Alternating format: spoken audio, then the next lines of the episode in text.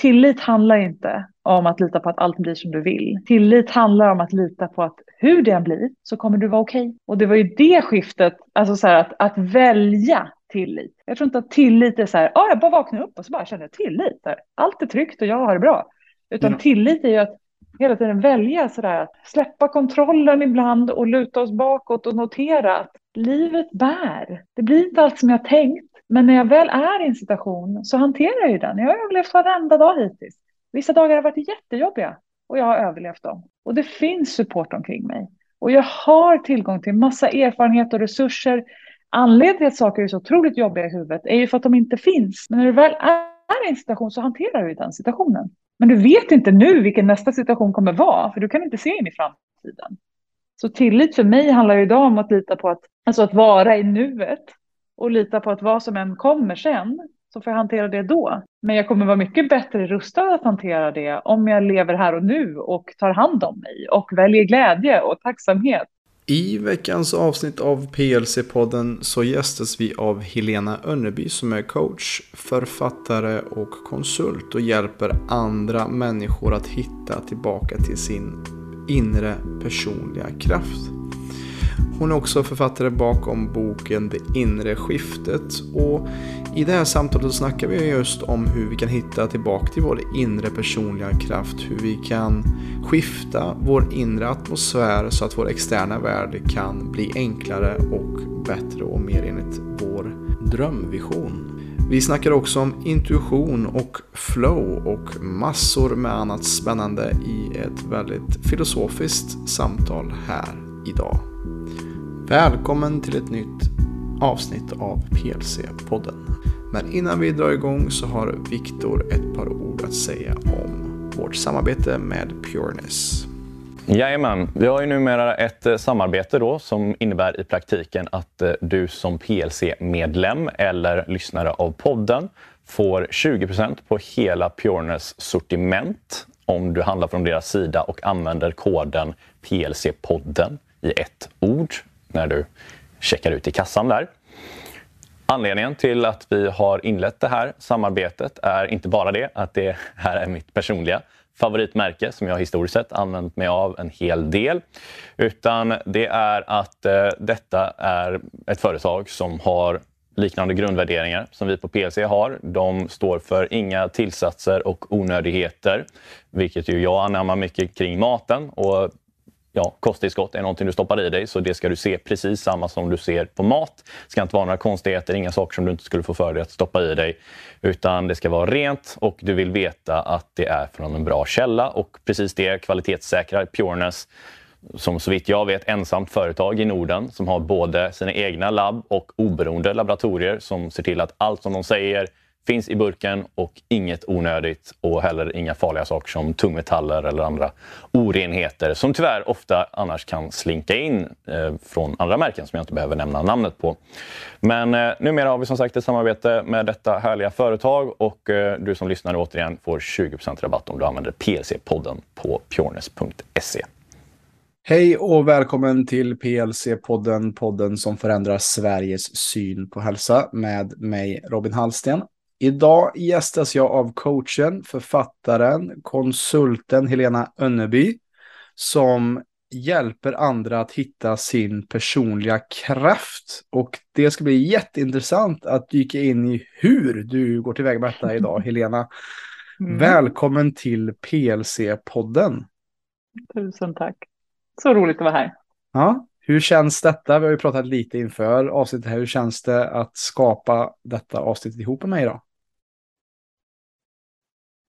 Just nu känner jag mig väldigt lugn för att vi tog en liten paus precis innan, vilket jag älskar, så vi fick landa och grunda tillsammans. Ehm, jag är nyfiken mm. på vart, vart det här samtalet ska leda oss. Ja, och det är alltid så tycker jag, det är så intressant när man ska, när man ska säga vem någon är eller pigeonhola mm. någon. Alltså, du är coach, du är författare. Men det är bara för att folk ska få en liten bild av det. Men, men vart är du just nu i ditt liv och hur skulle du beskriva dig själv med egna ord just där du är idag? Mm. Just nu så skulle jag säga att jag är på en väldigt flowig plats.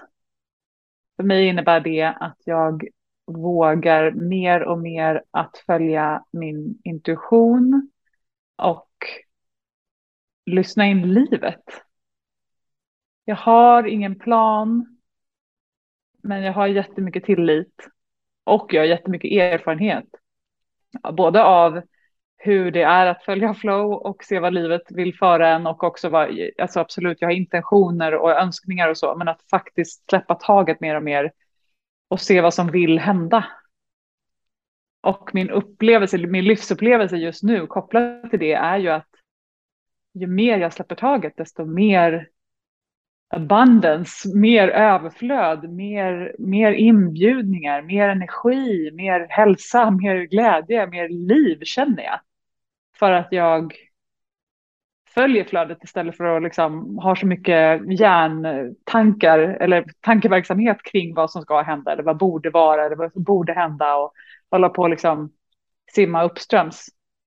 Så ett, eh, ja, det var väl ett, ett perspektiv som, som eventuellt var besvarade frågan. Mm. Men jag, jag, jag, känner mig i någon sorts um, flowigt state som uh, just nu, jag vet inte vart, vart det för mig, men jag vet att just nu är jag på en väldigt skön plats i livet. Liksom.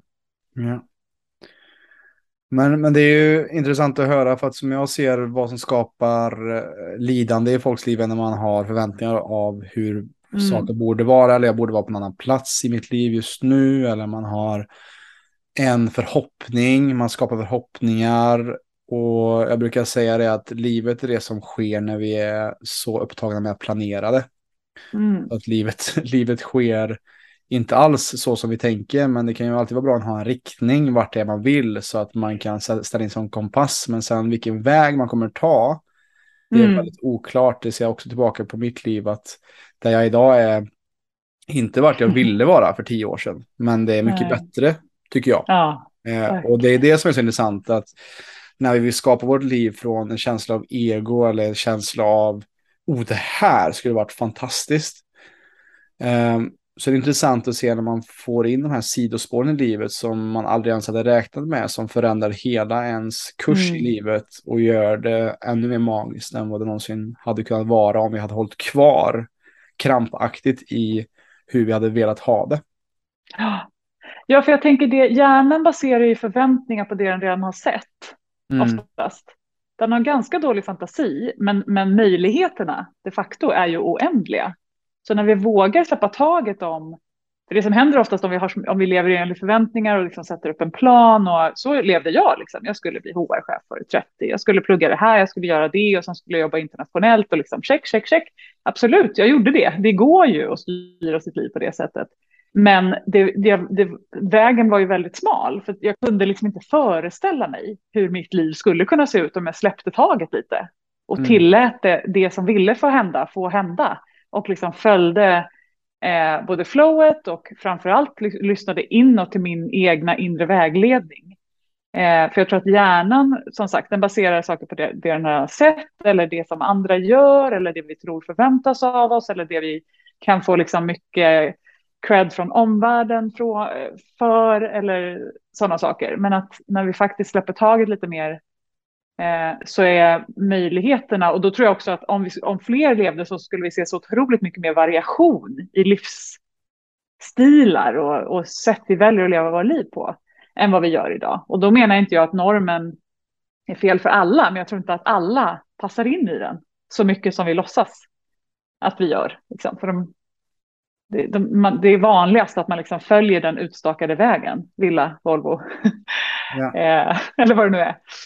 Eh, ja, det, just det, den kanske börjar bli lite, lite mindre vanlig, men eh, jag, jag är väldigt passionerad kring att hjälpa människor att hitta sin egen inre vägledning så att vi kan eh, skapa vårt eget liv utifrån det som vill hända och det som jag tror att vi får våra drömmar och vår längtan någonstans ifrån.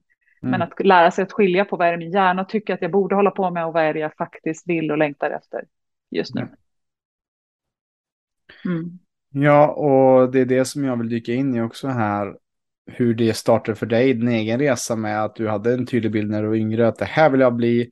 Och sen så har det skiftat nu till att du jobbar, det är därför vi har kommit in med att snacka om flow från början här tror jag, för att det är just det som mm. går på mycket med människor, det är just att få folk att hitta sin personliga kraft, att komma i kontakt mm. med sin inre intuition, att följa hjärtat mer.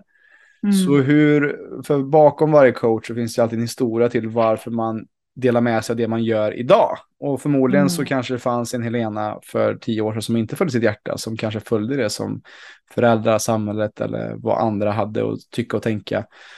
Berätta lite, hur funkar det för dig eller hur, hur har den här resan varit till där du är idag? Det kanske blir en lång, ja. långt svar, men... Nej, det behöver det verkligen inte bli. Alltså jag tänker så här, min ingång var fysisk sjukdom.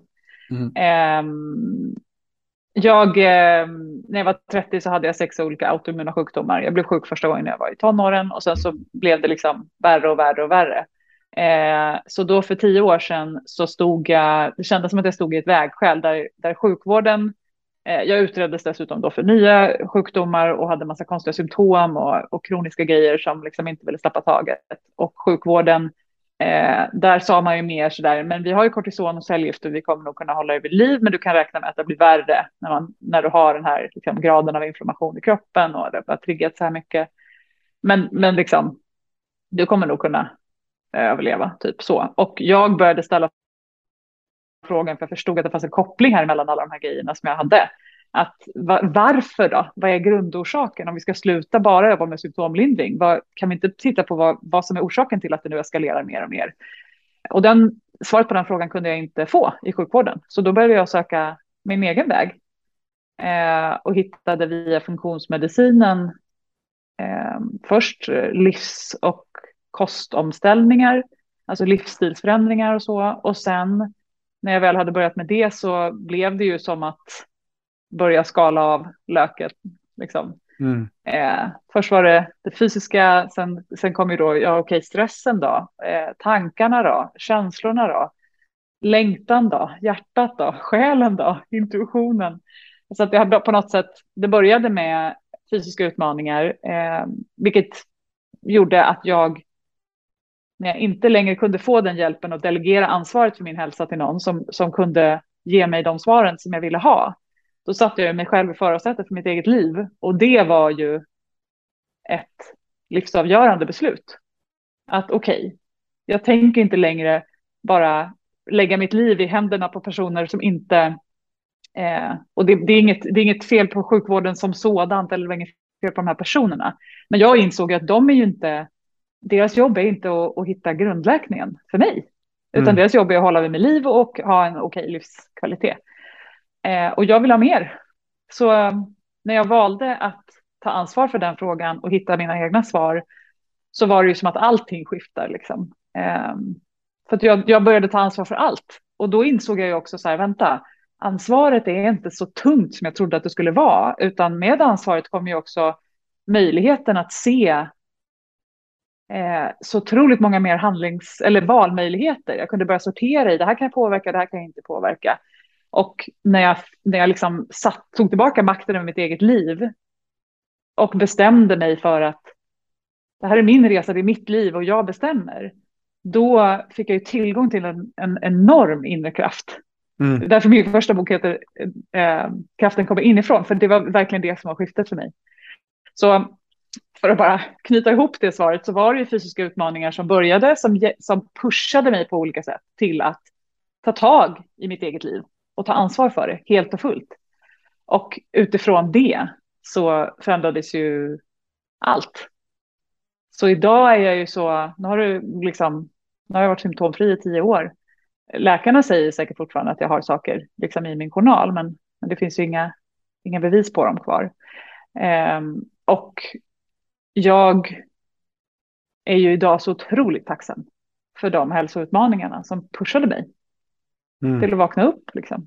och, och hitta, hitta min livsväg, inte bara standardvägen. Ja. Och vad var det för um, människor som hjälpte dig? Vad var det för mentorer eller vad var det för uh, läror som hjälpte dig på din läkande, läkande resa till en början uh, som har varit som stöd för dig? Ja, det, jag tänker att det är det som är, liksom, alltså när man tar själv ansvar. Jag, det, jag sa då i början vet jag att jag så här, nu är jag vd för mitt eget liv, men mm. även som vd så behöver jag ha ett team omkring mig. Och det var ju både, jag hade en terapeut som jag jobbade med jättemycket, särskilt i liksom svåra sjukdomsperioder när jag var yngre, men också i det här skiftet. Eh, sen var det funktionsmediciner, jag började hos en näringsfysiolog, eh, men sen har jag jobbat mycket med, med liksom funktionsmedicinska läkare genom åren. Eh, medicinsk yoga var en jätteviktig del i, eh, i liksom mitt, mitt, mitt stresshantering och att lugna ner nervsystemet för att aktivera kroppens självläkning. Eh, jag har också gått hos olika typer av coacher genom åren. Mindfulness har varit jätteviktigt. Och sen mer och mer spiritualitet genom åren och liksom att hitta, hitta mening, hitta tillit, hitta mod och styrka inifrån för att liksom hantera det. För det är inte, det är inte särskilt lätt att vara människa, men att um, ja, men liksom bygga ett supportsystem och det varierar ju mellan åren. Men jag, jag har verkligen tagit otroligt mycket hjälp. Mm. Och de människorna i mitt liv, alltså att jag har en helt annan typ av vänskaper idag, bara den grejen. Att, att jag eh, för, behöver helt andra typer av relationer än vad jag gjorde då. Mycket mer meningsfullhet och äkthet, och autenticitet och sårbarhet. Ehm, så att det, det är liksom, ja, det, jag får ju ringa på vattnet liksom, men det är absolut otroligt mycket supportsystem, både i form av, av eh, liksom, medicinsk hjälp och mental hjälp och själslig hjälp och, och allmän cheerleading från vänner och familj. Ja, och, och det får, jag får, får mig att tänka på att, att det krävs en för att föda upp en en kompetent individ så behövs en hel stam och det är lite samma, samma mm. sak som jag tänker när det kommer mm. på ens läkande resa, att vi behöver någon som hjälper oss med kanske det mentala, med det andliga, med det fysiska, mm. med det emotionella. Och eh, jag tror att vi ser det som Sverige som är så individualiserat, att vi ska fixa allt på egen hand och vi lägger också mm. bort mycket av vår egen auktoritet till, ja, till exempel statliga medel när det kommer både till mm att läka oss själva eller ta hand om våra barn eller våra äldre.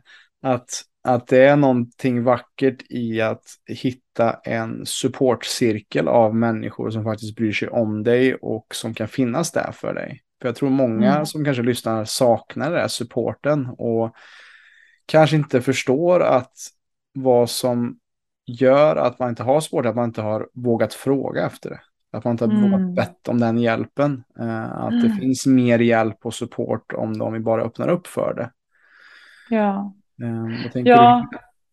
Nej men absolut. Jag tänker så mycket, ordet community har liksom snurrat väldigt mycket och har varit så viktigt i mitt liv och jag märker att jag fortsätter att bygga communities omkring mig för olika mm. eh, syften. Alltså det är ju det här bytänket. Alltså jag tror att det finns så mycket precis som du säger, i det svenska individsamhället, eh, att vi verkligen, verkligen behöver varann. Och det som är häftigt upplever jag när jag följer liksom brödsmulorna i mitt eget liv, eh, eller de här små tecknen eller ledtrådarna. Det ena leder till det andra, till det tredje, till det fjärde. Att jag vågar luta mig in och följa de där grejerna. Då kan det ju vara så här, jag lyssnar på en podd eh, och där tipsar de om en Facebookgrupp och i den gruppen så tar jag en fika med någon som presenterar mig för någon som pratar om en bok som är otroligt, eh, liksom, har stor inverkan på mig och sen liksom, eh, rör jag mig på stan och så har jag en konversation och så ställer jag en fråga och så, så tar vi en fika och så händer det där eller den där personen kopplar ihop mig med den. Alltså, jag tänker att vi har så mycket för mig är det också att leva i flow, att liksom följa de här små ledtrådarna som vi får. Och nu med liksom det som händer digitalt så, så är ju hela världen öppen för oss. Det finns så mycket otroligt fina communities av människor. Alltså systercirklar, eh, broderscirklar eller eh, sammanhang där man pratar om närvaro eller non-duality eller stress eller holistisk hälsa eller alltså det, det finns ju hur mycket som helst, men allt är inte för alla. Så att liksom luta sig in och prova sig fram och ta ett steg i taget. Och så vet inte jag riktigt varför, känns, varför känner jag mig kallad till till den här grejen, jag gillar inte Facebook. Så här, nej, men jag kanske går med och går in i den där grejen och sen så fick jag kontakt med en person som vi sen tar utanför Facebook. Jag behöver inte hänga på Facebook om jag inte vill vara på Facebook. Eller jag behöver inte vara online om jag inte vill vara online. Men att ja, följa de där små, eh, små ledtrådarna längs vägen. För det är verkligen, alltså, jag upplever bara att mitt eget nätverk och min egen liksom abundance i upplevelser och relationer och inbjudningar till olika saker. Det bara, det bara växer och växer och växer ju mer jag släpper taget om att ha en plan. Liksom. Mm. Alltså jag vet att när jag, det här låter helt sjukt, men jag vet att när jag, när jag blev egen företagare för fem år sedan, då, då gjorde jag liksom en Excel-lista där jag försökte så här, typ kartlägga mitt nätverk. Så här. Vilka är nära? Vilka är längre ifrån? Vilka vill jag dra till mig? Hur ska jag göra det? Alltså så här, du vet, gärna, gärna, gärna. försöka så här, ha en strategi för att bygga mitt nätverk.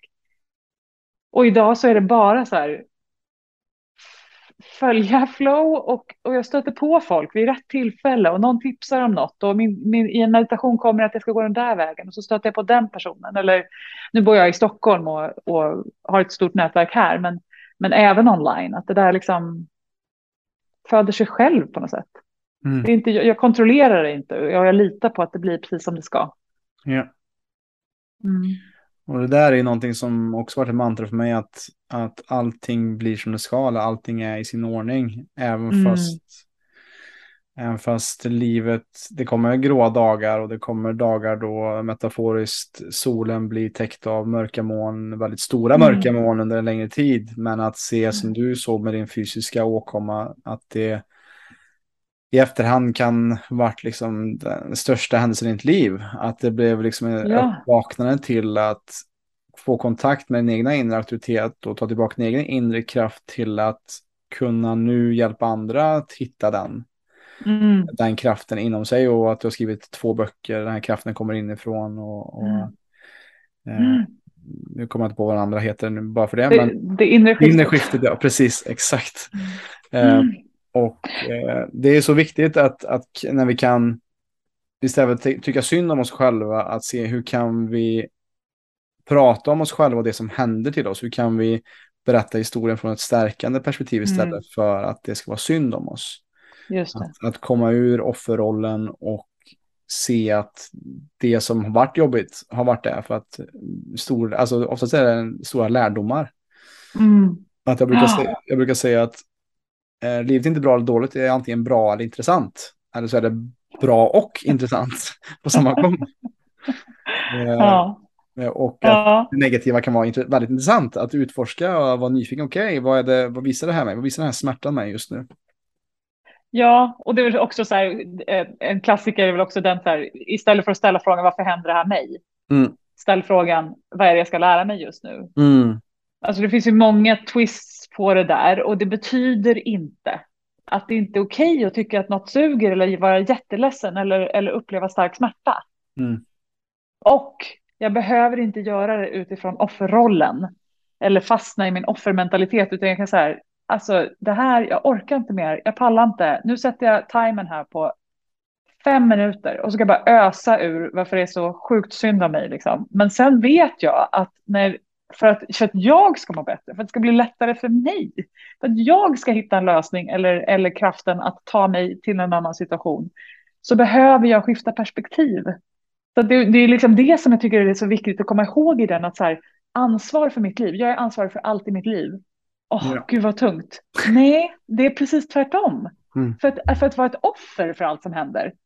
Bara sitta här som en så här, det bara flyger grejer mot mig och, och allt är emot mig och världen vill mig ont och alla människor är dumma i huvudet. Ja, det är jobbigt. Alltså det är då vi verkligen inte upplever oss ha någon egen kraft överhuvudtaget. Så att ansvar för mig ger lätthet, inte tyngd. Mm. Verkligen. Men jag är nyfiken på, ja, mm. men då är jag nyfiken på ditt perspektiv på, på det här med community, för jag tänker att det är ju verkligen någonting som man hör många prata om. Mm. Och att det är svårt att hitta vänner i vuxen ålder, det är svårt och eh, folk har redan sina nätverk och, och hela den storyn. Liksom. Vad är din relation till det och ditt, din egen liksom, approach skulle, till? Jag skulle vilja säga att uh, det finns mycket att säga kring den punkten faktiskt. Um, mm. Alltså som Sverige också är ett individualiserat samhälle och jag har när man träffar på eh, sådana som, eller folk som är eh, invandrare eller folk som kommer från andra europeiska länder eller från Mellanöstern, att, att det är svårt att hitta nya vänner i Sverige för att det är så ett stängt samhälle, att, att vi också är så individualiserade och alla har allting man behöver, vilket gör att man inte behöver längre mm. be om saker. Jag, jag, vet min farfar som är 92, han, han berättade att när byns första tv kom hit i trakten så gjorde det att folk kom samman för att det var bara mm. en som hade det. Och man byggde mm. vägar ihop och man byggde och man lånade traktorer och, och nu när alla har varsin smartphone och varsin eh, dator och varsin tv på sitt rum så behöver vi inte varandra. Den här ursäkten att kan jag få komma och ta en, en kopp socker hemma hos dig. Det, det, mm. det, existerar inte på samma sätt så att jag tror att det är svårare på ett sätt. Men som du redan varit inne på att världen är så enormt öppen om man verkligen vill. Mm. Eh, och att eh, jag själv har erfarit, jag bodde själv i community på Ängsbacka kursgård eh, i ett och ett halvt år. Eh, och fick känna på att min mentala hälsa hade aldrig varit bättre under den tiden. För att jag mm. hade alltid någon att dela en måltid med. För vi bodde oftast mm. 30-50 pers året runt där. Eh, mm. Sen under festivalsäsongen så var det otroligt mycket mer människor, alltså upp till tusen pers. Och då mm. blev det nästan för intensivt. Men vad som var intressant var att när, jag, eh, när corona kom så blev jag av med mitt jobb där, eller min lön till mitt jobb. Och då började också mina pengar sakta sina ut. Och på något vänster då så var det en av coacherna i PLC-gänget som hade sett mig och frågat om jag kanske ville, eller han hade sett mig posta saker på nätet om coaching och sånt. Så då då sa jag ja till det och sen så innebar det att ja, men jag kunde inte vara kvar på Ängsbacka och jobba där för att då kommer jag ju inte kunna göra både och och att mina pengar sakta tog slut där. Att det var min tid var mm. räknad där. Så då valde jag att komma tillbaka faktiskt och bo hos mina föräldrar. Mm. För att mm. jag inte hade, visste inte vart jag skulle ta vägen. Och då gick jag från att leva med människor, 30-50 personer, mm. till att flytta hem till mina föräldrar. Jag älskar mina föräldrar och kommer jättebra överens med dem. Vi bor på en gård liksom i Dalsland. Och, men vad som var grejen då var att då jobbade jag online hemifrån. Och de jobbade, de var borta hela dagarna. Så jag var i princip gick från att bo med 50 människor till att bo helt själv. Och det mm. gick första månaderna, liksom första halvåret, men sen så började det liksom sakta krypa på så här att det var någonting som skavde lite och att det märkte att, att det blev mer och mer skärmtid och mer och mer YouTube och mer och mer sociala medier som jag ser, liksom, det är skräpmat när det kommer till socialt. Alltså det är som hur McDonalds är för vår mathållning egentligen. Alltså att sociala medier, mm. det, det beror på hur vi använder det också. Alltså om mm. vi använder Zoom idag till exempel, att vi skapar någonting som när oss båda med en, en, eh, en ja, vi har kontakt och vi, vi vill skapa någonting för andra att lyssna på, vi är kreativa. Men mm. att jag ser som ofta att just när vi fastnar i den här scroll-mode, då, är det, då blir vi så mer och mer isolerade och det skapar mer och mer psykisk ohälsa. Eh, mm. Så det beror på om vi konsumerar eller kreerar. Precis, det, det, ser man också mm. på folk som lägger ut mer på sociala medier. Mm. De mår ju bättre oftast. Eller det beror ju på mm. vilket syfte såklart också. Om man ja, gör det. Validering, men folk som gör det i syfte att prata och ha kontakt med sina ja. nära kära, de mår ju bättre än de som bara är passiva mm. konsumenter. Men när det kommer till, till vad du sa där med hur det är med community så tänker jag så här. Jag hade ett coachingsamtal senast idag med en person som, som sa att eh, men jag har varit singel nu i tio år och, eh, och den personen som var innan som jag var ihop med, den personen förstörde, liksom, förstörde mig. Och då, då var jag mm. väldigt snabb på, ah, ah, ah, hur länge har du gått och upprepat den här äh, lögnen om ditt liv? Att, mm. att vi skapar våra egna lögner om, ja men det är så svårt att hitta nya vänner. Det är så svårt mm. och, mm. ja det går inte, det går inte. Mm. Men du har lika många exempel på folk som har gjort det, som har haft det ännu värre. Oavsett om det är att skaffa vänner eller ska ta till ett nytt företag eller att det är för att du är kvinna eller att det är för att du är man eller det finns alltid ursäkter att hittas. Mm. Men när vi mm. börjar fråga, okej okay, men hur då? Eller mm. vad är det jag vill göra? Varför vill jag göra det? Då, då tror jag att vi hittar vägarna. För att vi börjar ställa de aktiva frågorna. Men så fort vi säger nej men det går inte. Eller det är för svårt. Eller eh, nej men ingen vill vara med på min podd. Eller vad det nu kan vara för eh, tankar man har. Som mm. begränsar en. Desto mer kommer man skapa de här självförfyllande profetiorna. Som jag också ser att jag har också gjort mycket i mitt liv. Mm. Så jag, jag, tror det har att göra med mycket att om det är så svårt, men gå ut på stan då. Eller hur, mm. är, hur, är du beredd att bli obekväm och se lite konstig ut och få ett nej kanske? Gå upp till någon när du ja. sitter och käkar eh, en fika och bara hej, jag ser att du sitter själv, vill du ha sällskap? Mm. Men det är där lite jobbigt för folk. Eh, ja. Och tillbaka till det ansvar som vi snackade om. Mm. Ja, och att välja sitt perspektiv. Liksom. Hur vill jag, mm. jag kan sätta på mig olika glasögon när jag tittar på den här frågan. Men jag tycker det var väldigt spännande det du sa om, om det här med att vi inte behöver varandra längre. För vi behöver inte bygga vägarna, eller vi behöver inte låna saker. Och det är ju, alltså är det någonting vi behöver just nu så är det ju varandra. Mm. Men behoven är ju mycket mer själsliga, mentala, känslomässiga. Ja. Alltså det är sjukt svårt att vara människa i 2022. Alltså det är ja. så otroligt mycket utmaningar och, och, och, det är stressen och det är oron för framtiden och det är liksom informationsöverflödet och allt möjligt som, som pockar på. Så vi, jag tror att vi behöver varandra mycket mer än, vad, än, än kanske någonsin, eller vi har alltid behövt varandra, då på hur man ser på det. Och det kräver ju mycket mer sårbarhet och mod för oss idag. För det är lättare att be om, kan jag få låna din slagborr, än hej, jag känner mig ensam, kan jag, jag komma in på en kopp te? Ja. ja. ja. Och det är det som är, tänker jag, jag tror att det är därför det är så viktigt att vi pratar om det och normaliserar det. Och vi känner oss alla ensamma ibland. Vi känner oss alla ledsna ibland. Vi blir alla förbannade och agerar på ett sätt som vi kanske inte är så stolta över och så får vi skamsköljning efteråt och behöver hantera och reparera. Alltså så här, alla de här grejerna som vi tror att vi sitter själva med. Det är mm. det som är definitionen av liksom, helvetet på jorden på något sätt. Det är det att vi tror att vi är ensamma i det och att det kommer vara för alltid. Men vi är inte ensamma i någonting av det vi, håller, vi, vi går igenom. Sen kanske inte någon har varit i exakt din situation, men exakt det som du känner just nu är det någon annan som känner precis just nu. Men det kommer inte du veta om du inte tar första steget och, och pratar om det eller delar med dig. Mm. För då kommer, alltså, och sen, det är klart, det innebär en risk. Ibland så stöter du på människor som inte kan hantera det förtroendet eller som inte eh, som, som har för mycket försvar själva och skjuter ifrån sig. Nej, så har jag aldrig känt. Eller det, vad är det för fel på dig liksom? Men det kommer vara, jag vågar nästan lova, det är liksom en på tusen. Mm. Och det handlar ju bara i sånt fall om deras egen rädsla. Eh, för det är inte sant att vi inte har ont ibland.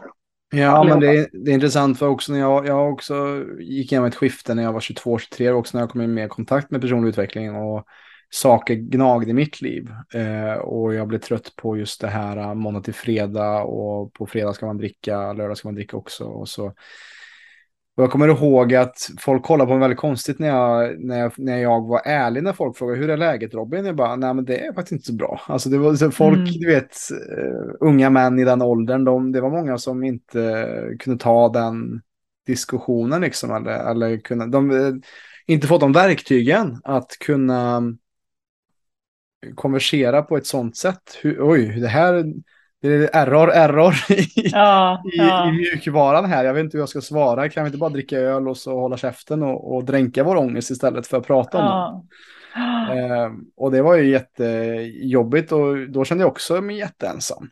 Att mm. det finns ingen jag kan prata med, men sam, samtidigt så, som du säger här också, att, att eh, när jag började växa så var det en period där, man, där jag kände mig väldigt ensam och kände inte att jag hade så mm. mycket vänner faktiskt. Eh, som jag kunde lita på eller för att jag, jag kände att det inte fanns det här djupet. Men att det sakta men säkert då växte fram. Ju mer jag växte i mig själv, desto mer vågade också prata om saker och ting. Och det gjorde också, så fort du börjar prata om saker så börjar du dra till dig människor. Yeah. Så jag tror att det är viktigt också att tänka på att när man går igenom en kris eller ett skifte eller en identitetsförändring så kommer det alltid vara tufft och jobbigt och det kommer inte vara en dans på, på rosor. Men att verkligen inse att det kommer bli bättre. Eh, mm. Men också att, att det kan ta lite tid med att stå på sig och, och våga. Du är inte galen, mm. utan följ det din intuition kallar här. Att kanske eh, inte följa med på allting som du har gjort tidigare eller, eller säga nej eller säga ja till någonting nytt. Eller att våga helt enkelt att slänga sig ut mer utanför sin komfortzon. Ja, och jag tänker att det där är ju också inte antingen eller. Det betyder inte att man måste göra slut med alla gamla vänner liksom.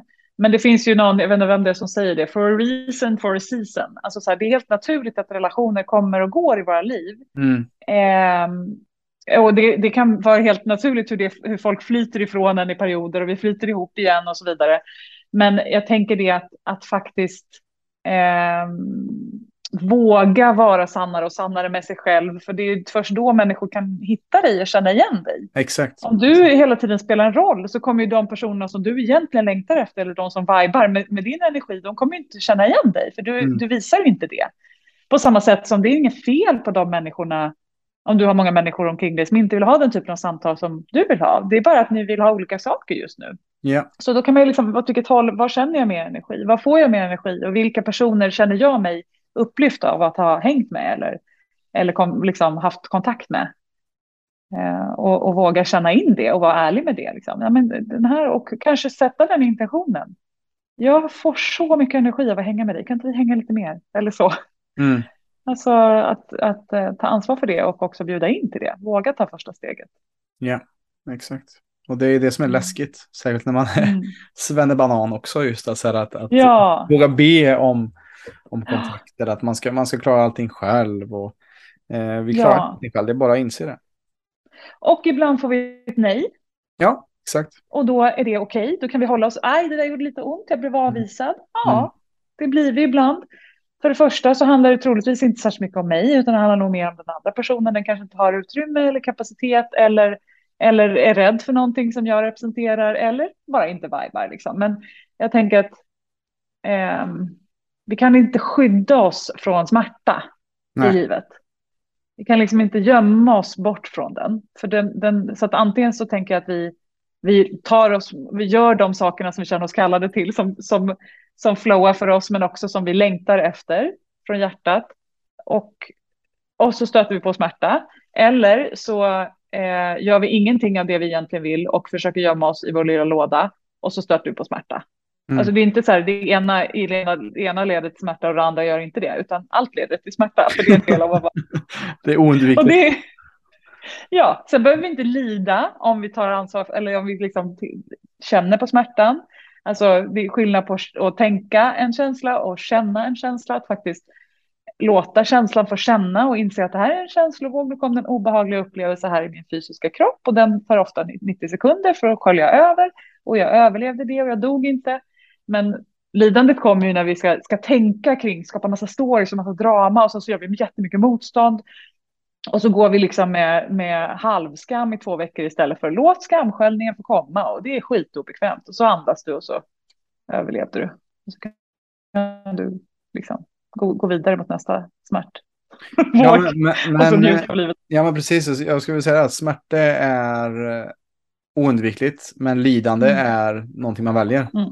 Eller inte alltid man väljer medvetet såklart. Inte väljer kanske men, så medvetet. Nej. nej, men alltså att, att det finns som du säger, jag brukar, det finns också någonting som brukar kallas sweet pain. Alltså att allt, saker kommer göra ont och vi är människor och saker kommer tas ifrån oss och allting du någonsin har och kommer vara kommer tas ifrån dig förutom ditt andetag liksom tills den dagen du dör. Mm. Och att mm. jag tror det är det som är skillnaden på mig också nu jämfört med med förr när jag var yngre är att jag kan tillåta det mer. Jag är inte bäst i världen på det, men jag kan tillåta mig själv att gråta nu. Det var jag inte lika bra på för fem, tio år sedan. Liksom. Och Att tillåta de här jobbiga stunderna och sorgerna att finnas där, för de är också där för att visa oss någonting och att guida oss mm. till någonting större och till nästa topp i vårt liv tror jag också. Jag tror att vi är så överdrivet rädda för våra känslor. Det är bara mm. känslor, det är energier, det är förnimmelse i vår kropp. Det är skitobehagligt. Ja. ja. Och inte farligt. Nej, exakt. Och i det motståndet som, som vi skapar sjukdom tror jag. Alltså i, mm. i den fysiska kroppen. Att det kan manifesteras mm. i den fysiska kroppen. Ja, verkligen. Men Helena, hur, eh, hur gör man då? Hur hittar man sin personliga kraft? Hur, hur hittar man mer ett liv i intuitiv flow? Jag såg att du håller på precis att köra en kurs här nu i höst som heter just mm. intuitiv flow. Mm. Vad är nycklarna som, vill du dela med lite av lite resurser som man kan, som de som lyssnar kan göra för att hitta mer in till sin personliga kraft och sitt intuitiva flow och för att få mer ett inre skifte? Mm. Älskar frågan. Vi får se vad som kommer just idag. Eh, alltså det första, den första ingrediensen det är ju, tänker jag, det är ju det här självledarskapet. Alltså att bestämma sig för det perspektivet. Att jag är ansvarig för mitt liv. Jag är ansvarig för mina tankar, jag är ansvarig för mina känslor, jag är ansvarig för mitt agerande och jag är ansvarig för mina reaktioner. Det betyder inte att jag inte ibland eh, har jobbiga känslor eller inte kan styra mina tankar eller att jag eh, inte reagerar, alltså att jag ibland reagerar på ett sätt som jag kanske inte är så stolt över eller som inte blev så bra. Men det betyder att jag fortfarande är ansvarig för konsekvenserna av de grejerna när det inte blir som jag hade tänkt mig. Um, för det skiftet gör ju att jag som sagt sitter i förarsätet, jag tar makten över mitt eget liv och då får jag tillgång till kraften att inse att jag har så otroligt mycket mer påverkansmöjlighet än vad jag tror. Och påverkan har jag ju över då vilka tankar jag tänker, vilka känslor jag skapar, känslotillstånd jag skapar. Jag kan välja min reaktion. Oavsett vad som händer i mitt liv så kan jag välja hur jag responderar på det. Och den responsen kommer påverka vad som händer härnäst. Jag kan inte påverka. Jag, jag, jag, jag går och röstar, men jag kan inte bestämma. Ja, det är inte upp till mig vem som vinner valet. Men jag kan ju välja hur jag ska förhålla mig till, till resultatet beroende på vad, om det inte blir som jag vill. Ska jag liksom gräva ner mig i det och eh, liksom ha, ha ångest över det hela hösten eller ska jag fokusera på någonting som jag kan göra någonting åt? Ska jag mm. fokusera på att ta hand om min egen hälsa, mentala? Ska jag fokusera på att eh, luta mig in i det som ger mig livsenergi? Ska jag fokusera på att hjälpa dem som jag kan istället för att sitta och titta på nyheterna och tänka att allt är hemskt och jag kan inte påverka någonting? Du kan göra jättemycket grejer. Alltså håll dig i, i, i, in your lane. Fokusera på det som du kan påverka och det är så du får kraften att liksom du får igång det här eh, krafthjulet liksom, som in, där du inser att, eh, att det är ditt liv och du kan mm. skapa det genom en massa val som du gör längs vägen. Och då om vi kommer in på det inre skiftet som var eh, först ett onlineprogram som jag skapade våren 2020 när jag själv hamnade i eh, mots, alltså det, i de, de motpolerna som jag ville röra mig ifrån, eh, som sen blev en bok. För då var det ju att jag märkte, och det här var ju då när, när pandemin kom, så märkte jag att jag hamnade i negativitet istället för tacksamhet. Jag märkte att jag hamnade i motstånd istället för acceptans. Jag märkte att jag hamnade i kontrollbehov och oro istället för tillit. Jag märkte att jag hamnade i massa självkritik för att jag inte hanterar den här situationen bättre istället för självmedkänsla. Och jag märkte att jag hamnade i allvar och seriositet istället för glädje. Mm. Så den boken, och det var ju det som blev då väldigt eh, liksom, enkla, tydliga men så otroligt viktiga ingredienser i ett inre skifte, ett liv i, i kraft, ett liv eh, där, vi, där vi kan hitta mer av flow, det är ju att utveckla de här kvaliteterna som då är tacksamhet, acceptans, tillit, självmedkänsla och glädje.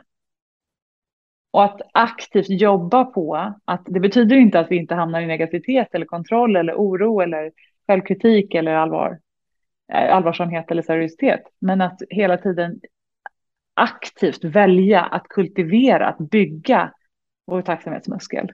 Mm. Genom att ha en tacksamhetspraktik. Att välja att stärka vår acceptansmuskel.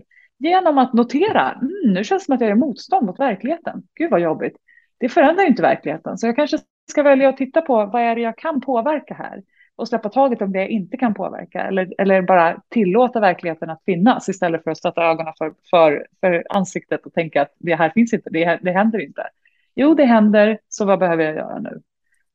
Att öva på att stärka tillitsmuskeln. Och för mig så, så var ju det, det var en sån sak som jag fick från min min intuition vid ett tillfälle när jag hade ett, ett symptom som jag inte visste vad det var och jag försökte kontrollera det här och jag ville veta hur ska det gå? Jag har tillit, jag har tillit, det kommer bli precis som jag vill, imorgon kommer allting vara läkt. Och så kom min intuition och sa så här, men älskling, tillit handlar inte om att lita på att allt blir som du vill. tillit handlar om att lita på att hur det än blir så kommer du vara okej. Okay. Och det var ju det skiftet, alltså så här att, att välja tillit. Jag tror inte att tillit är så här, ah, jag bara vaknar upp och så bara känner jag tillit. Här. Allt är tryggt och jag har det bra. Utan mm. tillit är ju att hela tiden välja så där att släppa kontrollen ibland och luta oss bakåt och notera att livet bär. Det blir inte allt som jag tänkt. Men när jag väl är i en situation så hanterar jag ju den. Jag har överlevt varenda dag hittills. Vissa dagar har varit jättejobbiga och jag har överlevt dem. Och det finns support omkring mig. Och jag har tillgång till massa erfarenhet och resurser. Anledningen till att saker är så otroligt jobbiga i huvudet är ju för att de inte finns. Men när du väl är i en situation så hanterar du den situationen. Men du vet inte nu vilken nästa situation kommer vara, för du kan inte se in i framtiden. Så tillit för mig handlar idag om att lita på att, alltså att vara i nuet och lita på att vad som än kommer sen så får jag hantera det då. Men jag kommer vara mycket bättre rustad att hantera det om jag lever här och nu och tar hand om mig och väljer glädje och tacksamhet och att jag är snäll mot mig själv här och nu. Liksom. Så det var, ja, eh, det, det, kom allt möjligt där, men eh, några av ingredienserna. Hej allihopa! Jonas här. Då jag vet att många i samhället upplever utmaningar kring sin hälsa, men inte riktigt fått hjälpen de behöver, så har jag lagt upp ett kostnadsfritt webbinar för dig som inte är medlem. I detta webbinar kommer jag prata om vanliga grundorsaker bakom konstant trötthet, låg energi, sömnsvårigheter, magbesvär och värk. Och du kommer även få mer info om hur vi på PLC jobbar för att åtgärda detta. Du hittar mer info om webbinariet i beskrivningen till detta avsnittet. Men med det sagt så tackar jag för mig. Tillbaka till dig Robin. Ja, men jag tycker det är, det är så vackert att, att istället för att fokusera på en framtid som kan vara dyster. Att mm. säga, vad kan jag göra? Vad, ja, men jag vet inte om eh, hur ekonomin kommer vara om ett halvår. Om det kommer ske en inflation, om vi kommer bli invaderade av ryssen, om det kommer eh, den 73 vågen av corona. Alltså mm. det, det, kan vi inte, vi vet inte. Så Nej. varför ska vi... Eh, det är klart man kan förbereda sig på olika sätt, men men vad, det är samma med ångest och sånt också. Det där, sånt där skapar ju ångest. Och den mm. ångesten förstör ju din upplevelse av nuet. Ja. Så att, så att precis alltså, självberedskap och, och vara proaktiv som du pratade om där. Ja, men att sortera då så här, ja, känner jag att jag vill göra någonting, ja, men gör det då. Mm. Men i övrig tid, så just nu, jag andas, jag har två fötter på jorden, och jag, jag, jag är här. Okej, okay, då är ju ultimat okej okay just nu. Alltså jag behöver inte ta ut allting. Det kan ju också vara så att allt blir tio gånger bättre än vad min hjärna skulle ha kunnat tänka ut.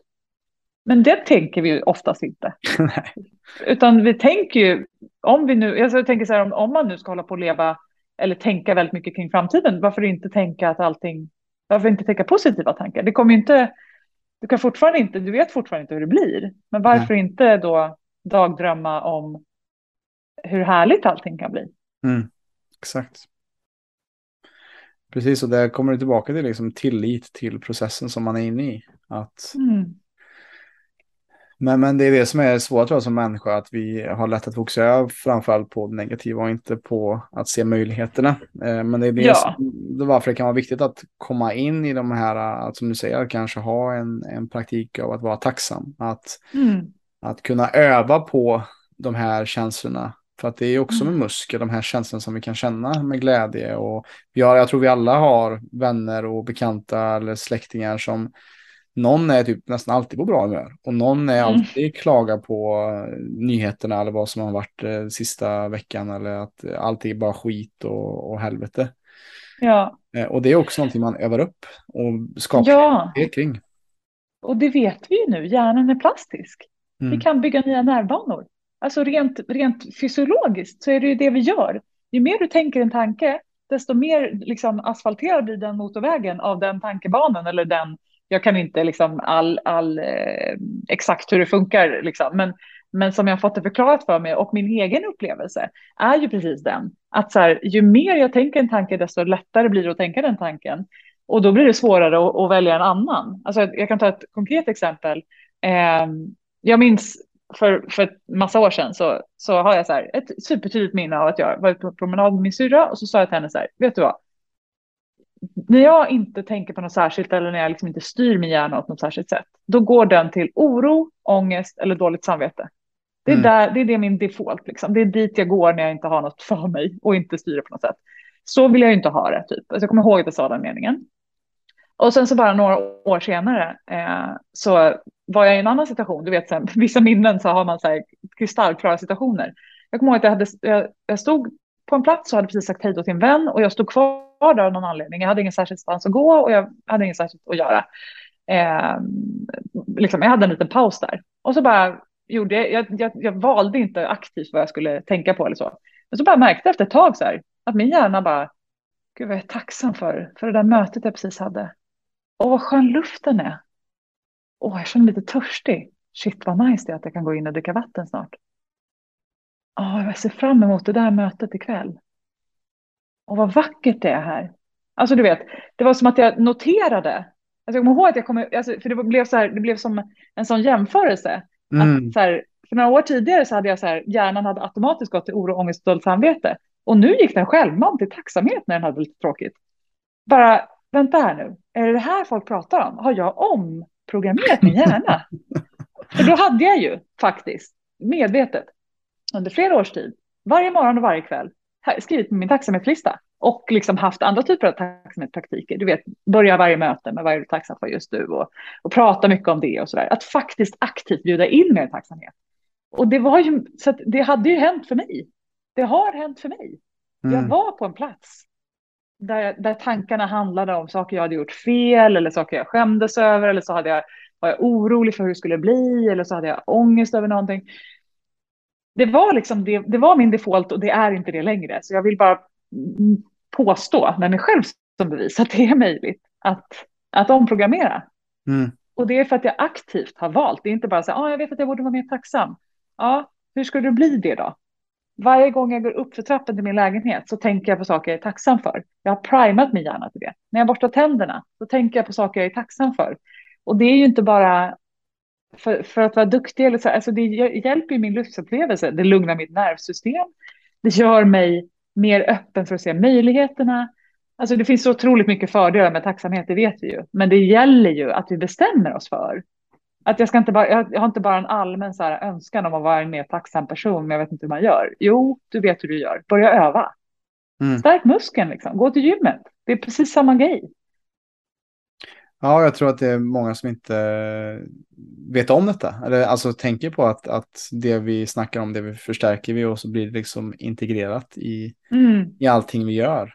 Uh, och att det är ja. så Ja, men för bara för att avsluta den jämförelsen med mm. motorvägen i hjärnan så är det ju så att när vi börjar tänka en ny tanke, om vi då har haft, varit liksom väldigt negativitetsfokuserade, så är det ju som att gå på en, på en djungelstig i början. När vi ska börja tänka de här positiva tankarna så behöver vi ta med oss macheten. Nu pratar vi symboliskt. Liksom. Det är otroligt svårt att gå den här nya vägen, för vi är så ovana och vi har inte byggt upp de nervbanorna. Men ju mer vi går på djungelstigen, desto mer upptrampad blir den. Till slut blir det kanske en grusväg. Vi kan så småningom asfaltera mm. en tacksamhetsväg. Och ju mindre vi tänker på det, allt det där negativa eller det, det eh, som vi oroar oss för, desto mer kommer den nervbanan och motorvägen att växa igen i hjärnan. Alltså det är så de här neuroforskarna beskriver processen som sker rent fysiologiskt när vi väljer våra tankar och börjar omprogrammera medvetet. Ja, och som du säger, det är ju smart att göra det i samband med saker som man ändå gör varje dag, som borsta tänderna när man går upp till, för trapporna till sin lägenhet. Och mm. Att kunna skifta det här, just att många tänker inte på att ens ohälsa beror ju inte på en sak, utan det är ju en ackumulering av våra tankar, vad vi äter, hur vi andas, om vi sover dåligt. Mm. Och tankarna är ju konstant där. Så är ja. vi inte medvetna om, om vi släpper innanför där i, i vårt huvud så är det ju lätt att våra tankar skapar negativa handlingar som i sin tur leder till att vi blir ohälsosamma, att vi har psykisk ohälsa till slut, fast man inte vet varför. Ja. Nej. Man har inte varit, haft koll på vad som man tänker. Mm. Ja, och det är det som är första steget då, att börja observera. Liksom. Vad mm. händer? Eh, vad rör sig mina tankar när jag inte styr dem? Ja. Alltså, och det är det till exempel, det är en, en sak vi kan ägna oss i vår meditation, alltså bara sätta oss lite utanför och titta så här, oj, oj, oj, vad det drar åt det här hållet, eller liksom, det, det, här, det här temat är verkligen återkommande, alltså att titta på, observera tankar tankarna istället för att tro på dem och haka på dem hela vägen, utan bara så här, börja se vad, vad har vi för mönster här som jag vill omprogrammera. Ja. Och det är samma med, med när man tänker oftast, när man är mycket i ångesten eller oron så är det ofta att man är i huvudet och ett, ett klassiskt citat är in your head you're dead. Och någonting eh, som jag tänkte fråga dig härnäst är ju den här långa, den längsta resan som folk säger ibland är att gå från huvudet ner till hjärtat. Det är en fot mm. i, i, eh, i avstånd i centimeter men eh, det är desto längre själsligt kanske att komma ner dit. Men just med som du säger med tacksamhet så kan man komma dit. Men vad, vad är det mer du ser som får det kontakt med din mer magkänsla som jag ser också som är där vi har vår intuition och, och hjärtat. Hur, hur, hur har du Ehm, kommit mer i kontakt med hjärtat och din kropp och hur lär du ut det? Mm. Och jag älskar den frågan. Um, alltså, jag tänker att intuitionen och hjärtat talar med oss jämt. Eh, så det inte handlar, om, handlar liksom inte om att den, de, de delarna ska börja tala och kroppen talar med oss jämt. Mm. Utan det handlar om att vi ska lära oss att lyssna. Det är liksom det skiftet som behöver ske. Och hur lär vi oss då att lyssna? Radiofrekvens, man får ja, ställa in på antennen. Liksom. Mm. Precis, precis. Eh, och då tänker jag att det första steget för mig har nog varit det. Ett, eh, inse att jag inte är mina tankar. Att jag har mina tankar och att alla mina tankar inte är sanna. För när jag inser det så kan jag ju skapa lite mer distans till dem. För tidigare så var det ju den, den radioshowen som gick, eller skräckfilmen oftast då, som gick hela tiden och det var det jag lyssnade på. Eh, och det handlar inte om att stänga av den skräckfilmen eller, eller radiofrekvensen, utan det handlar bara om att rikta min uppmärksamhet någon annanstans. Det blir sällan tyst. Jag har en otroligt stark och väldigt kreativ och väldigt nyfiken och undersökande analyserande hjärna. Den är en, fant en fantastiskt verktyg. Jag är så tacksam för min hjärna. Och den är inte längre chef i mitt liv. Den är mm. ett verktyg. Det är väl som Robin Sharma säger. Your mind is a terrible master, but an excellent servant. Alltså det, om du låter din hjärna styra ditt liv, då har du problem. Men den är, ett jätte, alltså det är en jätteduktig tjänare. Sätt den på lite uppdrag. Låt den lösa ett matteproblem. Planera en semester. Eller, ja, eller planera, så här, lösa logistiska problem, praktiska problem eller vad det nu är. Mm. Gör en plan. Men när det gäller att liksom, ta beslut för ditt liv så behöver du lyssna på andra delar. Eh, så att för mig har det nog varit att minska uppmärksamheten mot hjärnan eller tankeverksamheten och rikta den mera ner i kroppen. Och hur gör jag det då? Ja, ett verktyg jag har är ju andetaget. Att ta kontakt med andetaget. Oftast när det som är häftigt med, med hjärnan är ju, så här, ofta när vi tänker en tanke så brukar vi också ofta hålla andan. Så för mig hjälper det ofta att andas ut för att liksom släppa tankarna och komma ner i kroppen. Vi, så, vi har lärt oss så mycket att vi ska ta djupa andetag in, liksom. men vi bara andas in och in och in så liksom, eh, eh drar vi igång liksom, eh, stressresponsen ibland. För det. liksom att bara komma ihåg också att det är viktigt med att andas ut och komma ner i kroppen. Liksom. Och, och då att rikta uppmärksamheten neråt i kroppen och lyssna, lyssna där. Vad finns det där? Och då tänker jag för mig är verkligen ett eh, starkt tema i mitt liv just nu. Det är ju olika typer av embodiment practices, alltså vara i naturen, grunda mig, bara fötter mot marken, ta på träd, dansa, andning, breathwork, liksom olika typer av, eh, alltså som faktiskt rent fysiskt hjälper mig att komma i kontakt. För om jag sitter bara till exempel i meditation och sitter helt stilla och så där så är det svårare för mig. Eh, att, att komma, komma ifrån hjärnan. Liksom. För då, jag, det hjälper mig att faktiskt använda min kropp.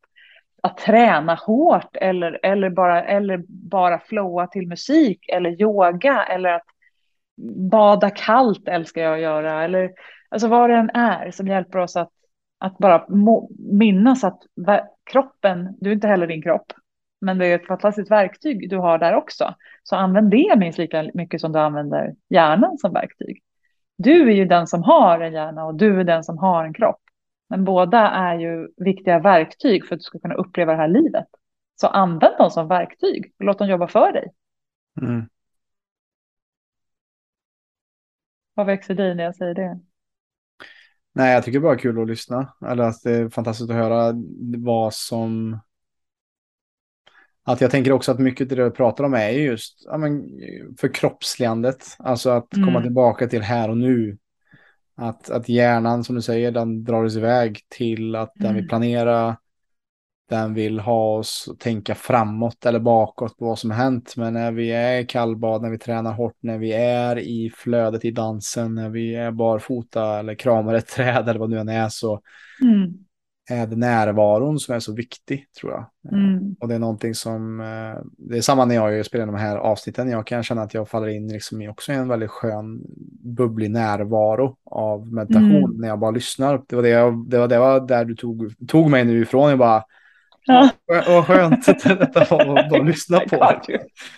Um, så, men, ja. um, ja, men för, för det är det som jag ser också, ju mer vi kan vara närvarande med det vi gör här och nu. Och det, det är någonting som återkommer för mig i många av de här poddavsnitten också. Och att det kan låta så löjligt enkelt, men det är så sjukt svårt mm. att hålla kvar den där, att, att göra det till sin praktik, att att för mig handlar det inte om meditation jag gör, utan det är när jag, hur kan jag brygga den medvetenheten i, i meditationen kring mitt andetag till min vardag.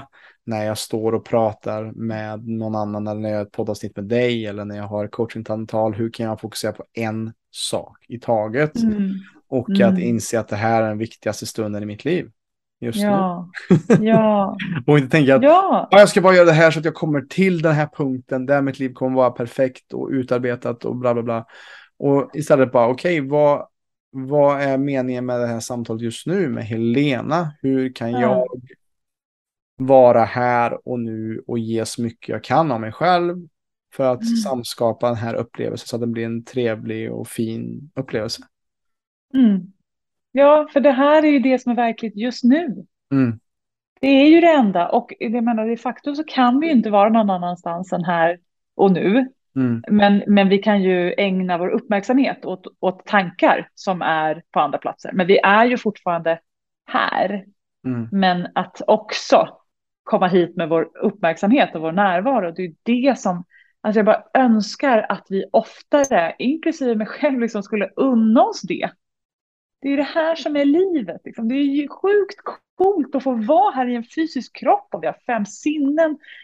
Vi har fler sinnen än det tror jag, men jag menar, vi, har ju, vi har lukt och vi har smak och vi har syn och vi har hörsel och känsel och vi har vår intuition och vi har våra känslor. Vi kan relatera till varandra, vi kan skapa saker, vi kan se och uppleva. Det är ju sjukt coolt att bara få vara här i en mänsklig upplevelse. Jag vill liksom att vi ska vara mer i det och inte i koncepten av en framtid eller idéerna, utan så här, i verkligheten, i det som, det som finns på riktigt just nu.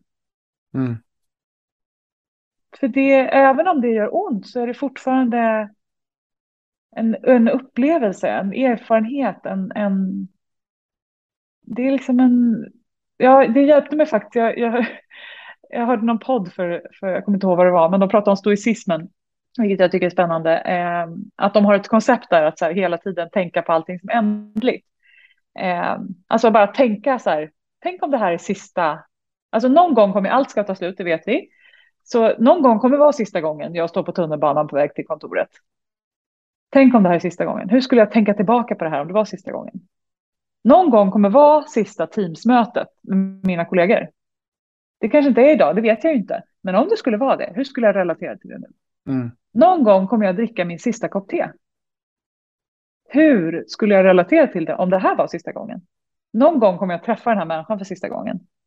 Alltså bara så här, det, det handlar inte om Eh, troligen så är de flesta grejerna, beroende på vilken ålder vi är och i, och i vilken eh, livsenergi vi har kvar eller hur tid på jorden vi har kvar, så kanske inte är sista gången. Men jag, det har hjälpt mig på något sätt att bara komma till så här att även inte ta för givet de här vardagliga sakerna. Så här, tänk att sista gången jag slår in portkoden eller öppnar min dörr. Eller sista gången jag liksom, lägger mig i min säng. Alltså om jag skulle bara tillåta livet, titta på livet utifrån de grejerna. För det är så mycket som passerar bara för att det är på autopilot. då. äh, det här är min vardag och äh, än en dag på jobbet. Så här. Tänk om det här var din sista dag på jobbet. Hur skulle du relatera till den då? Hur skulle du förhålla dig till dina kollegor? Mm. Bara som en intressant tanke. Absolut. Det, och det är någonting jag gjorde ett avsnitt här, ett solavsnitt här på podden för några veckor sedan här. Där jag, um, ut, jag utforskar just det ämnet eh, kring Mm. döden. Just att Mm. jag själv var med i en bilolycka i, i början på året som jag mirakulöst kunde bara kliva ur utan en skråma. Men vad, vad viktigt, alltså vad sårbart det kan vara ibland. Att typ varje gång vi sätter Mm. oss i en bil så tänker vi inte på att folk är rädda för att flyga, men att sitta, sitta i en bil är så mycket Ja. farligare liksom. Och Mm. att när, när vi vet att vår eh, tid kommer ta slut, alltså vi lever ofta som att det inte finns någon morgondag, vi stressar och hetsar och förstår inte att, att det där kommer leda till smärta i framtiden, vad det nu kan vara och hur kan vi vara mera närvarande med vår familj, våra barn eller vad Mm. det kan vara. Eh, Alltså att världen hade varit väldigt mer annorlunda om vi hade levt med det mer som du säger här, det stoiska. Att vad Mm. händer om, om det, här, det här inte finns? Vi kan ta det för givet imorgon. Och jag tror också det som gör att många som är med om ett sånt uppvaknande, eller att många har ett uppvaknande just när de är på väg Mm. att gå bort. Eller man är med om cancer, cancer eller någonting. För att man bara shit, alltså jag har levt lite som på som en zombie här i hela mitt liv. Och Ja. tagit allt för givet. Och nu, nu kanske det, jag, det kanske kommer tillbaka. Jag måste ta vara på den här tiden som jag har kvar. Mm. Ja, och det är ju inte menat att det ska leda till ångest och Nej, panik. nej, liksom. precis. Utan meningen är ju då så här, vi vet inte, du Nej, har ingen aning. Du kanske får leva i 50 år till eller i två minuter till. Det kan komma en meteorit imorgon. Det som kommer hända i framtiden är antagligen ändå inte det som din hjärna kan räkna ut, även om den har 20 olika scenarier och du försöker förbereda dig för alla. Det är antagligen inte något av det som kommer hända. Det kommer hända saker, men du vet inte vilka.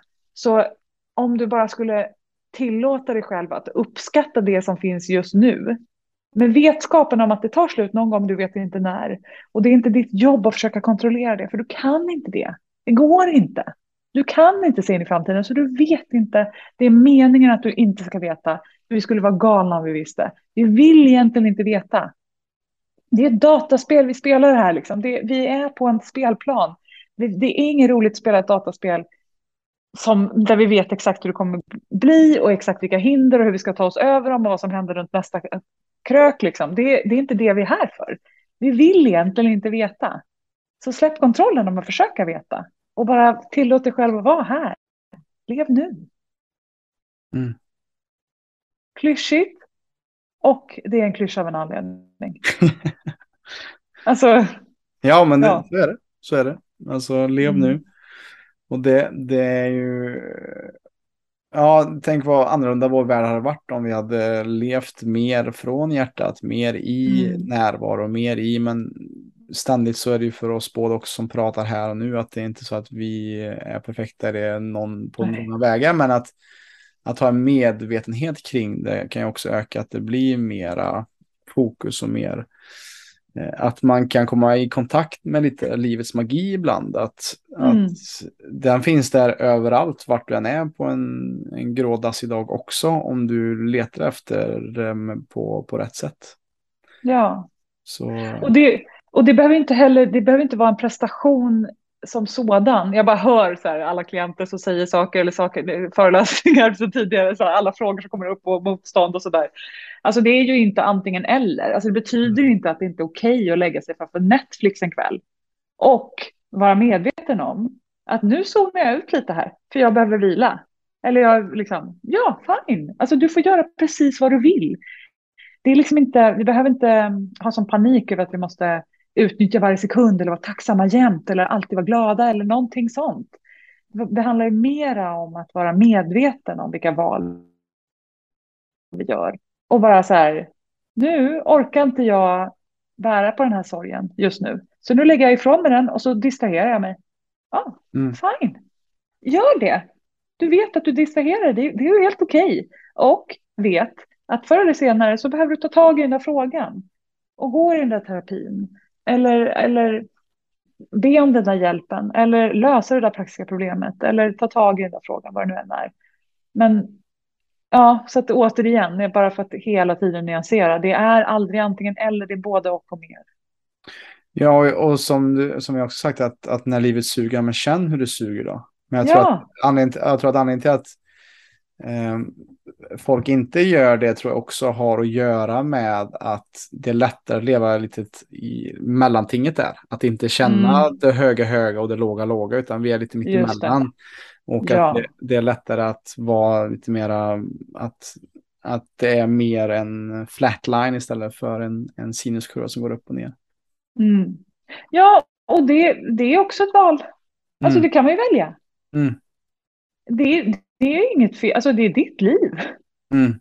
Så att välj du hur du vill göra. Men jag märker ju att min intention är inte liksom är mindre nu för tiden att jag vill vara så himla glad och känna mig så himla pepp jämt. Utan min intention är mer att jag vill känna mig levande. Ja. Precis som du säger. Jag vill att sinuskurvan ska röra sig. Mm. För det är då jag känner mig levande. Och att känna mig levande, det, det innebär ju också, fråga mig inte på en dag när, när det är nattsvart, eh, för då kommer jag inte säga att jag vill ha det så. Men jag vill, ju- över, tiden så vet jag ju att jag vill det, för jag vet att jag, hämtar, jag är nere i, i mörkret och hämtar en skatt. Liksom. Det är något Ja. som händer där, som behöver hända. Mm. Och det vet jag ju först när jag kommit upp. Men jag vet ju av erfarenhet nu, så har jag gått igenom det tillräckligt många gånger för att förstå att här, okej, det kommer ta slut och jag kommer fatta varför jag vill härifrån just nu. Liksom. Mm. Mm. Ja, exakt. Det är intressant. Intressanta ämnen vi går in på. Men eh, jag tänker också säga Helena, vad, vad eh, märker du, vad tror du är största hinder för folk att nå lite det som du har skrivit om det här inre skiftet och vad är det som håller tillbaka folk från den kraften som finns inifrån som du har kommit i kontakt med? Alltså det som kommer, kommer till mig nu, som min intuition eh, kallar till, det är ju, eh, jag tror att vi är rädda för vår, för vår kraft. Jag tror att vi är rädda för vad som är möjligt då. Både utifrån att vi kanske kommer röra oss utanför komfortzon. För jag menar, smärta kan också vara, eller lidande kan också vara komfort. Vi tar hellre liksom ett, ett helvete vi känner till än en, en himmel som vi aldrig har sett. Liksom. Mm. Det finns ju Mm. ett, en, ett ordspråk som säger. Ehm, så jag tror att ehm, det som kommer till mig nu också är, Marianne Williamsons den här dikt Our deepest fear is not that we are inadequate. Our deepest fear is that we are powerful beyond measure. Mm. Alltså vår största rädsla är inte att vi in- inte är tillräckliga utan vår största rädsla är att vi är så mycket mer. Ja. Tänk om det är så. Alltså så här att det finns, det är vårt ego som vill att vi är små och spelar små, för då behöver vi inte heller riktigt synas ordentligt, vi behöver inte ta ansvar för allting, vi behöver inte väx, liksom, öka vårt livsutrymme, vi behöver inte eh, ja, ta ansvar för, för det som händer i vårt liv och för vårt liv. Liksom. Så att då är det, och vi behöver heller inte liksom, anpassa oss till till den storslagenhet som våra liv kanske kan vara. Och då menar jag inte storslagenhet i att alla ska leva otroligt äventyrsfyllda eller välkända liv alls, utan bara så här, det är, det är starka krafter i ett levande liv alltså. Det är Mm. ganska mycket att härbärgera för en liten människa och framförallt för ett ego. Så jag tänker att det kanske finns, det finns massa perspektiv på det, men det var det som kom till mig nu. Så här. Ja, jag tror att vi Alltså det är så mycket tryggare här i komfortzonen. Även om komfortzonen är mörk och grå och trist och gör ont. Mm. Så är det, det, det är mer nice för jag vet vad det är. Och det okända är sjukt läskigt. Ja. Även om jag kan föreställa mig att det kanske är, är fantastiskt så vågar jag inte chansa på det. Nej, men att vara innanför komfortzonen är också mer kalkylerat. Man har en mera... Ja, En, en förutsägbarhet. tryggare, förutsägbar och trygg framtid kanske. Fast det är också, det är bara en illusion. det är också bara en illusion tänkte jag precis säga. Exakt. Så att, Ja.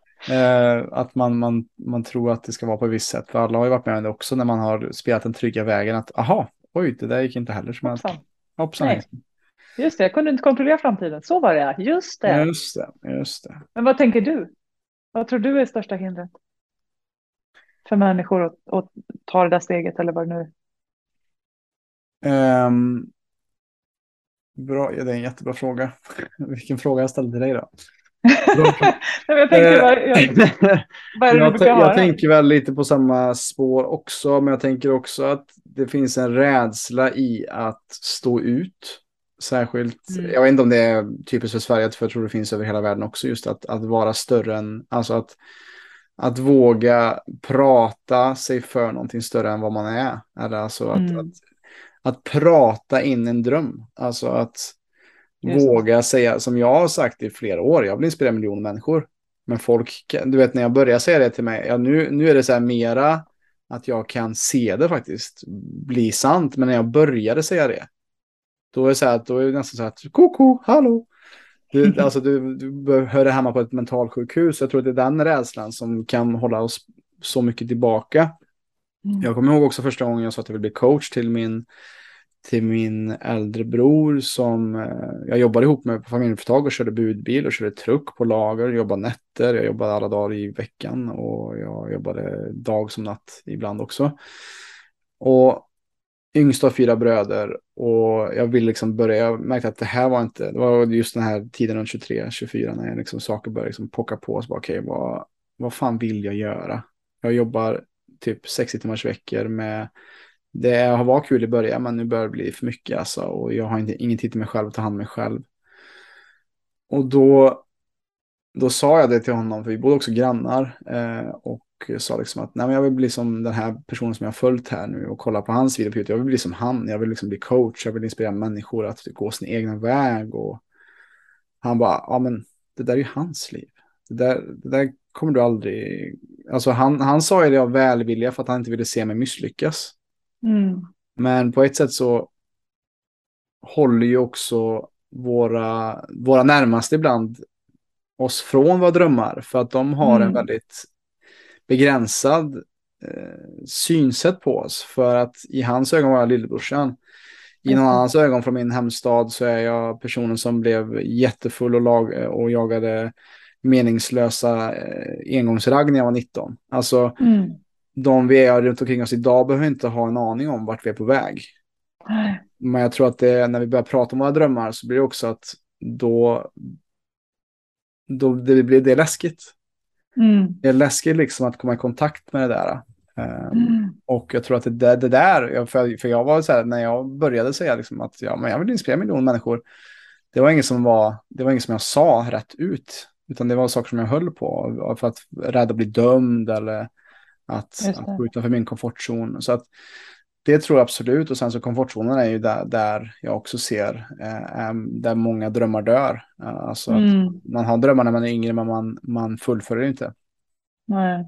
Och att eh, man vågar inte gå sin egen väg. Och att man följer, det är lättare att följa någonting som är redan uppstakat för en. Att följa sina Mm. föräldrars fotspår i vad den är och det behöver inte vara fel i det. Alltså gillar man det och som du sa, det här att vara levande, fullt ut levande, behöver inte vara att man är någon som inspirerar miljoner människor. Det kan vara att du är en bonde som älskar att ta hand om ditt land.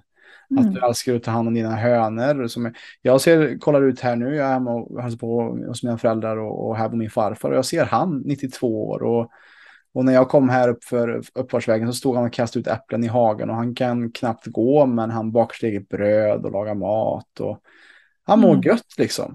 Han, han, Mm. han verkar inte bry sig så mycket om, om saker och ting och, och han lever enligt naturen. Och han är en väldigt levande människa, trots att han är 92 Mm. och, och inte har så mycket tid kvar kanske. Men så lever, känns det som att han lever fullt ut, även fast Mm. han gör så gott han kan med det han har.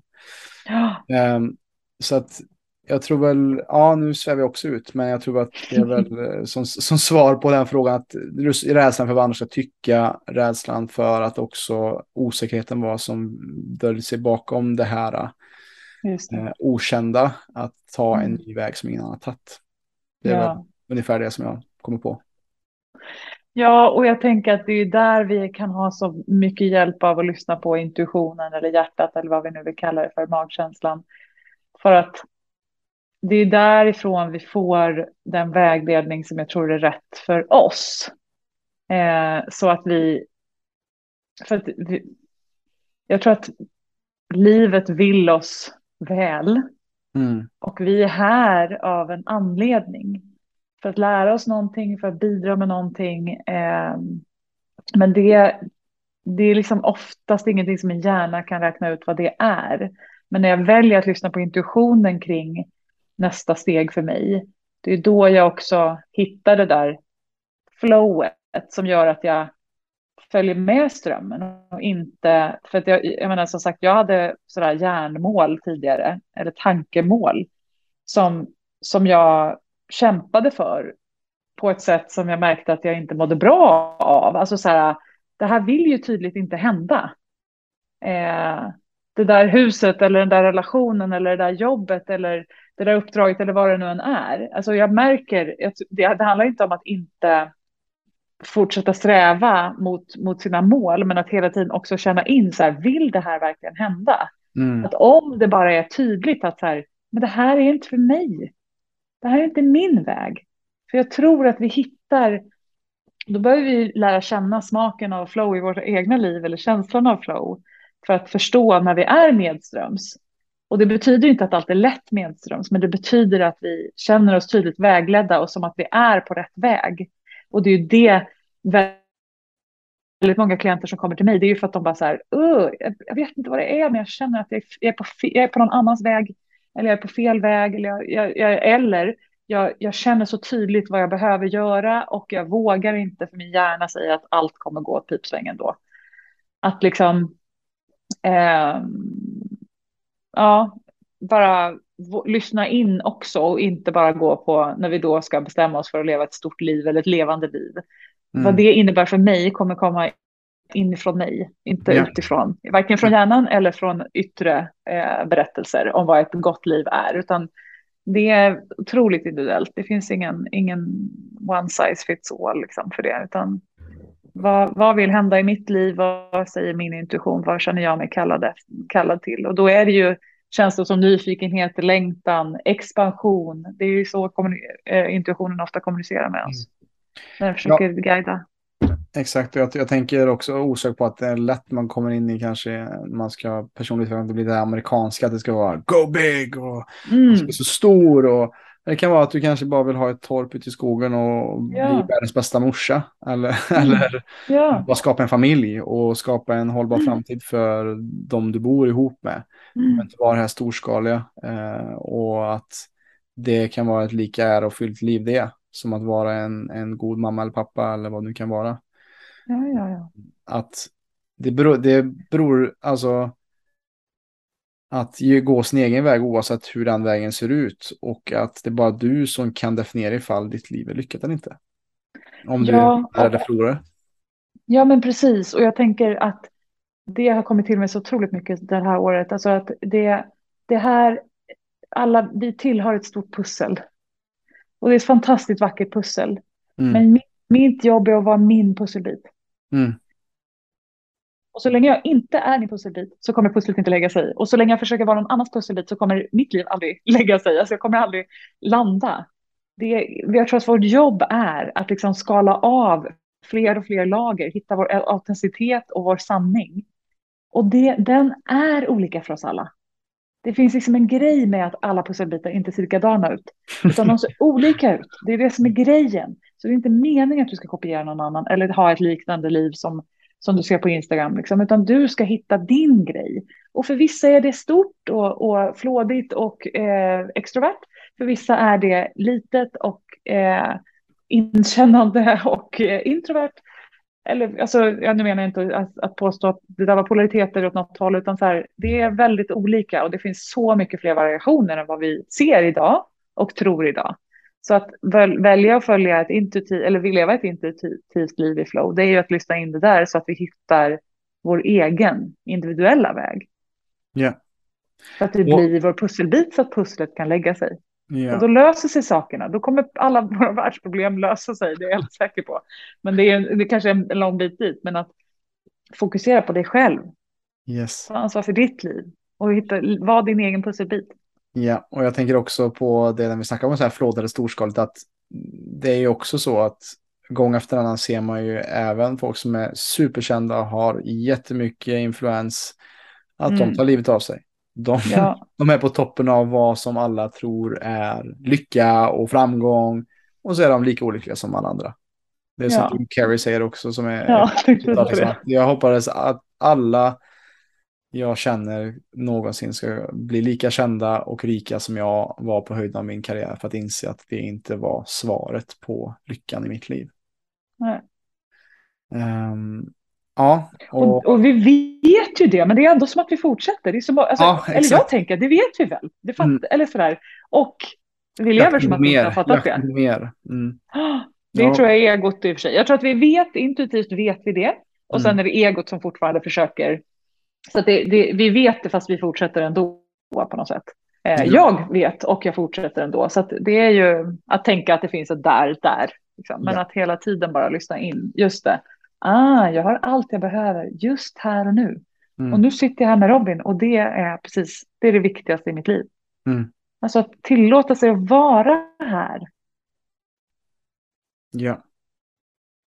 Var Det, ja, det är liksom det är en gåva tänkte jag säga, så tyckte jag att det lät så himla vi har, jag jag tror vi har bockat av alla klyschor i det här samtalet ändå, så att det är, det är ingen fara. Ja.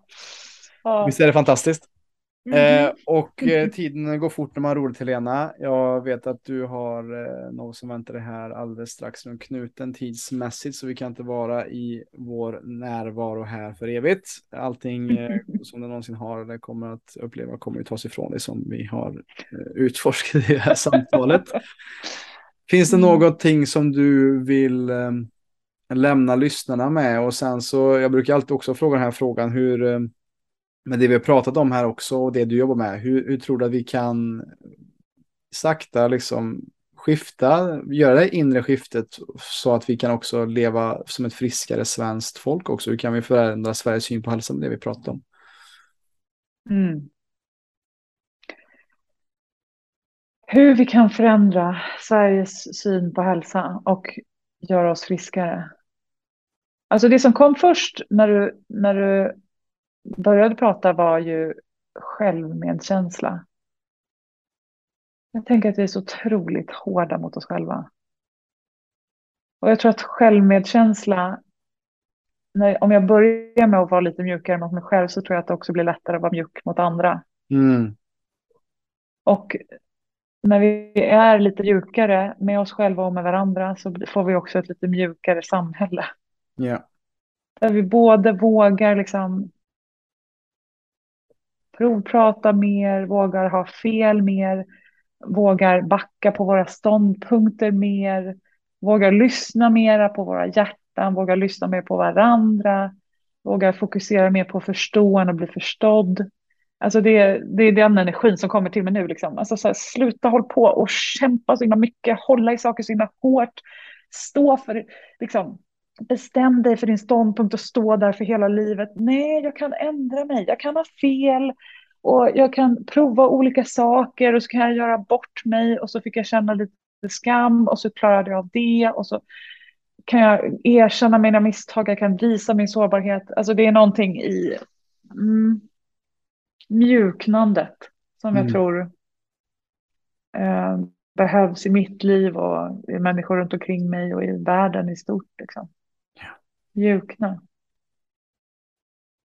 Ja, men jag tror det går lite, lite hand i hand med det här att eh, jakten på mer. Att också säga, okej, kan vi Mm. bara landa lite i det vi har först? Mm.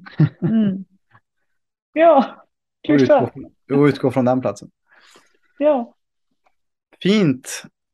Tack Helena för ett väldigt eh, ja, djupgående, djuplodande samtal. Eh, avslutningsvis så vill jag också såklart eh, ge dig en chans att också presentera vart folk kan hitta dig och eh, om man vill jobba med dig eller om man kanske är intresserad av den här kursen som du lanserar nu i höst här också. Mm. Ge oss dina detaljer där folk kan se mer av dig. Ja, då tänker jag först och främst min hemsida, helenaonneby.com eller .se som du kan kanske länka i, i poddbeskrivning eller så. Eh, där kan man ju hitta information om coaching med mig, eh, komma i kontakt kring ja, föreläsningar eller, eller de kurser som är pågående. Eh, just den här kursen, Ett intuitivt liv i flow, har kursstart den 4 september så att det kanske är lite tajt inpå, men den kommer säkert gå igen. På Instagram heter jag Pure Personal Power. Och min bok, min senaste bok heter Det inre skiftet och den finns både att köpa på min hemsida men den finns också som ljudbok överallt där ljudböcker finns och som tryckt bok och e-bok överallt där böcker finns. Det inre skiftet av Helena Önneby. Mm. Så det skulle jag rekommendera. In, mm. Hemsidan, Instagram eller boken kanske är en bra ingång. Där har ni. Check her out. Mm. The one and only yes. Helena. Välkomna. Varmt välkomna. Yeah. Och med det, med det Helena så rundar vi av för idag och för dig som har lyssnat känner att det har varit berikande och eh, berört dig kanske på djupet. För all del dela gärna med dig av det här avsnittet så att vi med stadig, rask takt kan lyfta Sveriges syn på hälsa. Tack för idag. Tack. Stort tack för att du har lyssnat på detta avsnittet av PLC-podden. Om du som lyssnare är intresserad av att få bättre balans på din kropp och hälsa så kan du gå in på www.plclub.se. Där kan du göra en gratis hälsoundersökning och läsa mer om hur vi hjälper människor på ett holistiskt sätt att skapa mer energi, få igång förbränningen och minska värk. Alltså www.plclub.se. Vi finns även på Instagram, YouTube, Spotify och Facebook at Premium Lifestyle Club om du vill ta del av mer gratis material. Stort tack för din tid här med oss.